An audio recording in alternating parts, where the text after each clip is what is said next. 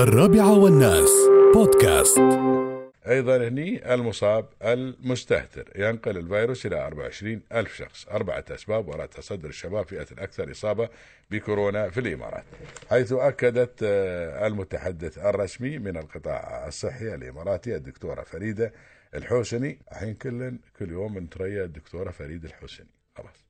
لازم. حتى يوم متأخر شوي يقولون ما طلعت الدكتورة فريدة. فالكل اليوم يترقب خاصة نحن في الإمارات نترقب. طبعا آه، في التلفزيونات وسائل التواصل الاجتماعي نترقب آه، الدكتورة آه، فريدة الحسني تطلعنا على المستجدات بما يتعلق بمرض كورونا. الله يعطيها العافية والصحة والسلام إن شاء الله يا رب العالمين.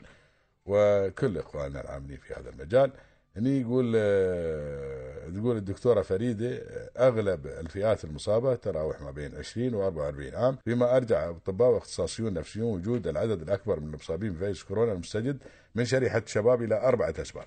السبب الأول يقول لك الاستهتار وعدم الانصياع للتحذيرات الصحية والثقة الزائدة أو الزائفة عفوا ما بالزائدة الثقة الزائفة بالتغلب على الفيروس وتشكيل شباب للشريحة الأكبر في المجتمع بالإضافة إلى أن هذه الفئة العمرية تمثل نسبة كبيرة من العاملين في القطاع الخاص. وتفصيلا البروفيسور في جامعة آه، غرب أونتاريو الكندية استشاري آه، طب الأطفال والأمراض المعدية والمناعة بمركز القلب الطبي في مدينة العين الدكتور جاسم آه، تثري يقول هذا الموضوع له أكثر من تفسير. أولها أن هاي الشريحة يقول لك من العمرية. هي الفئة الأعلى عدد في دولة الإمارات عندنا. ومعظمهم من المقيمين الموجودين في البلاد. آه، كعمال بشكل رئيسي يقول والإضافة إلى وجود أعداد آه، ما بقليلة أيضا يقول داخل الدولة من هذه الفئة من التجار والسائحين وبالتالي من المتوقع أن تكون الأكثر إصابة نظرا إلى كونها الشريحة الأكبر في المجتمع. وأضاف أن هذه الشريحة بها الكثير من المستهترين الذين يستخفون بالإرشادات و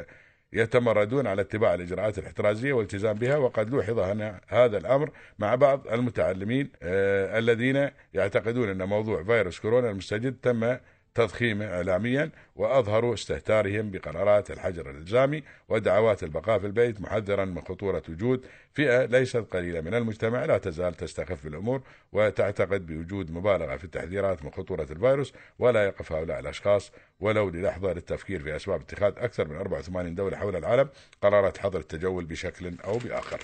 والله يا دكتور مع احترامي لك كلامك صحيح وكلامك جيد جدا. ولكن يا طويل العمر بعد هذه الشباب مغرر فيهم مساكين. والله مغرر فيهم الشباب هيله من ليش يسمعوني في وسائل التواصل الاجتماعي؟ ما ما تعرف شو تسوي. والله العظيم يطلع لك النجار الحين يتكلم عن كورونا الحداد يتكلم عن كورونا العامل يتكلم كل العالم صار ما بيتكلم يتكلم كلام علمي كأنه عالم آه، فيروسات. ما يستوي ما ما تعرف لمش قايل وكل الحين ما الحين ما أدري ليش. في أنت يوم تصير الآن إذا مثلا تشتكي يقول قلبك كاسر عند الطبيب العام وين يحولك؟ حولك على أخصائي مال قلب. نفس العملية إذا صاير مثلا عندك شيء الباطن حولك على الباطني. عندك مثلا لا سمح الله في العظام حولك مال عظام ما يعالجك هو صرت عند مال هايلة فيك مثلا مثل ما تقول عندك الخياشين شيء فيها. أه، حولوك على مال الأنف والأذن والحنجرة. الحين يطلع لك يقول لا ويقول لك يقول لك أنا طبيب عظام إيش لك في كورونا؟ ما فرق بين بعيد بينك وبين كورونا ما يخصك فالكل الآن.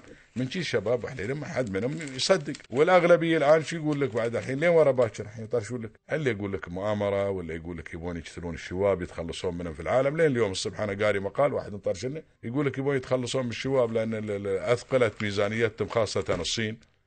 الصرف على هذه الفئة من الشواب وهم وايدين والقاره العجوز بعد نفس العملية اللي هي اللي هي أوروبا وأمريكا يقول لك نفس العملية ومطلع لي تواريخ وأشياء أمور كثير يعني واجتماعات وكذي ويقول لك استشهد بان يقول لك عائله هم طلعوا الفيروس بالعمالة يبون يتخلصون من هايله كلهم عشان يوفرون ميزانيات كثيرة. والله ما تعرف الحين خالي شو تصدق وشو تكذب وشو. ما تعرف يا أخوي والله العظيم. لكن افتكينا الحمد لله رب العالمين أصبحت الناس شوي بعد الآن يعني يوم الشيء طالع من جهة رسميه نصدقه ولا شيء من جهة رسمية والله ما نصدقه خلاص.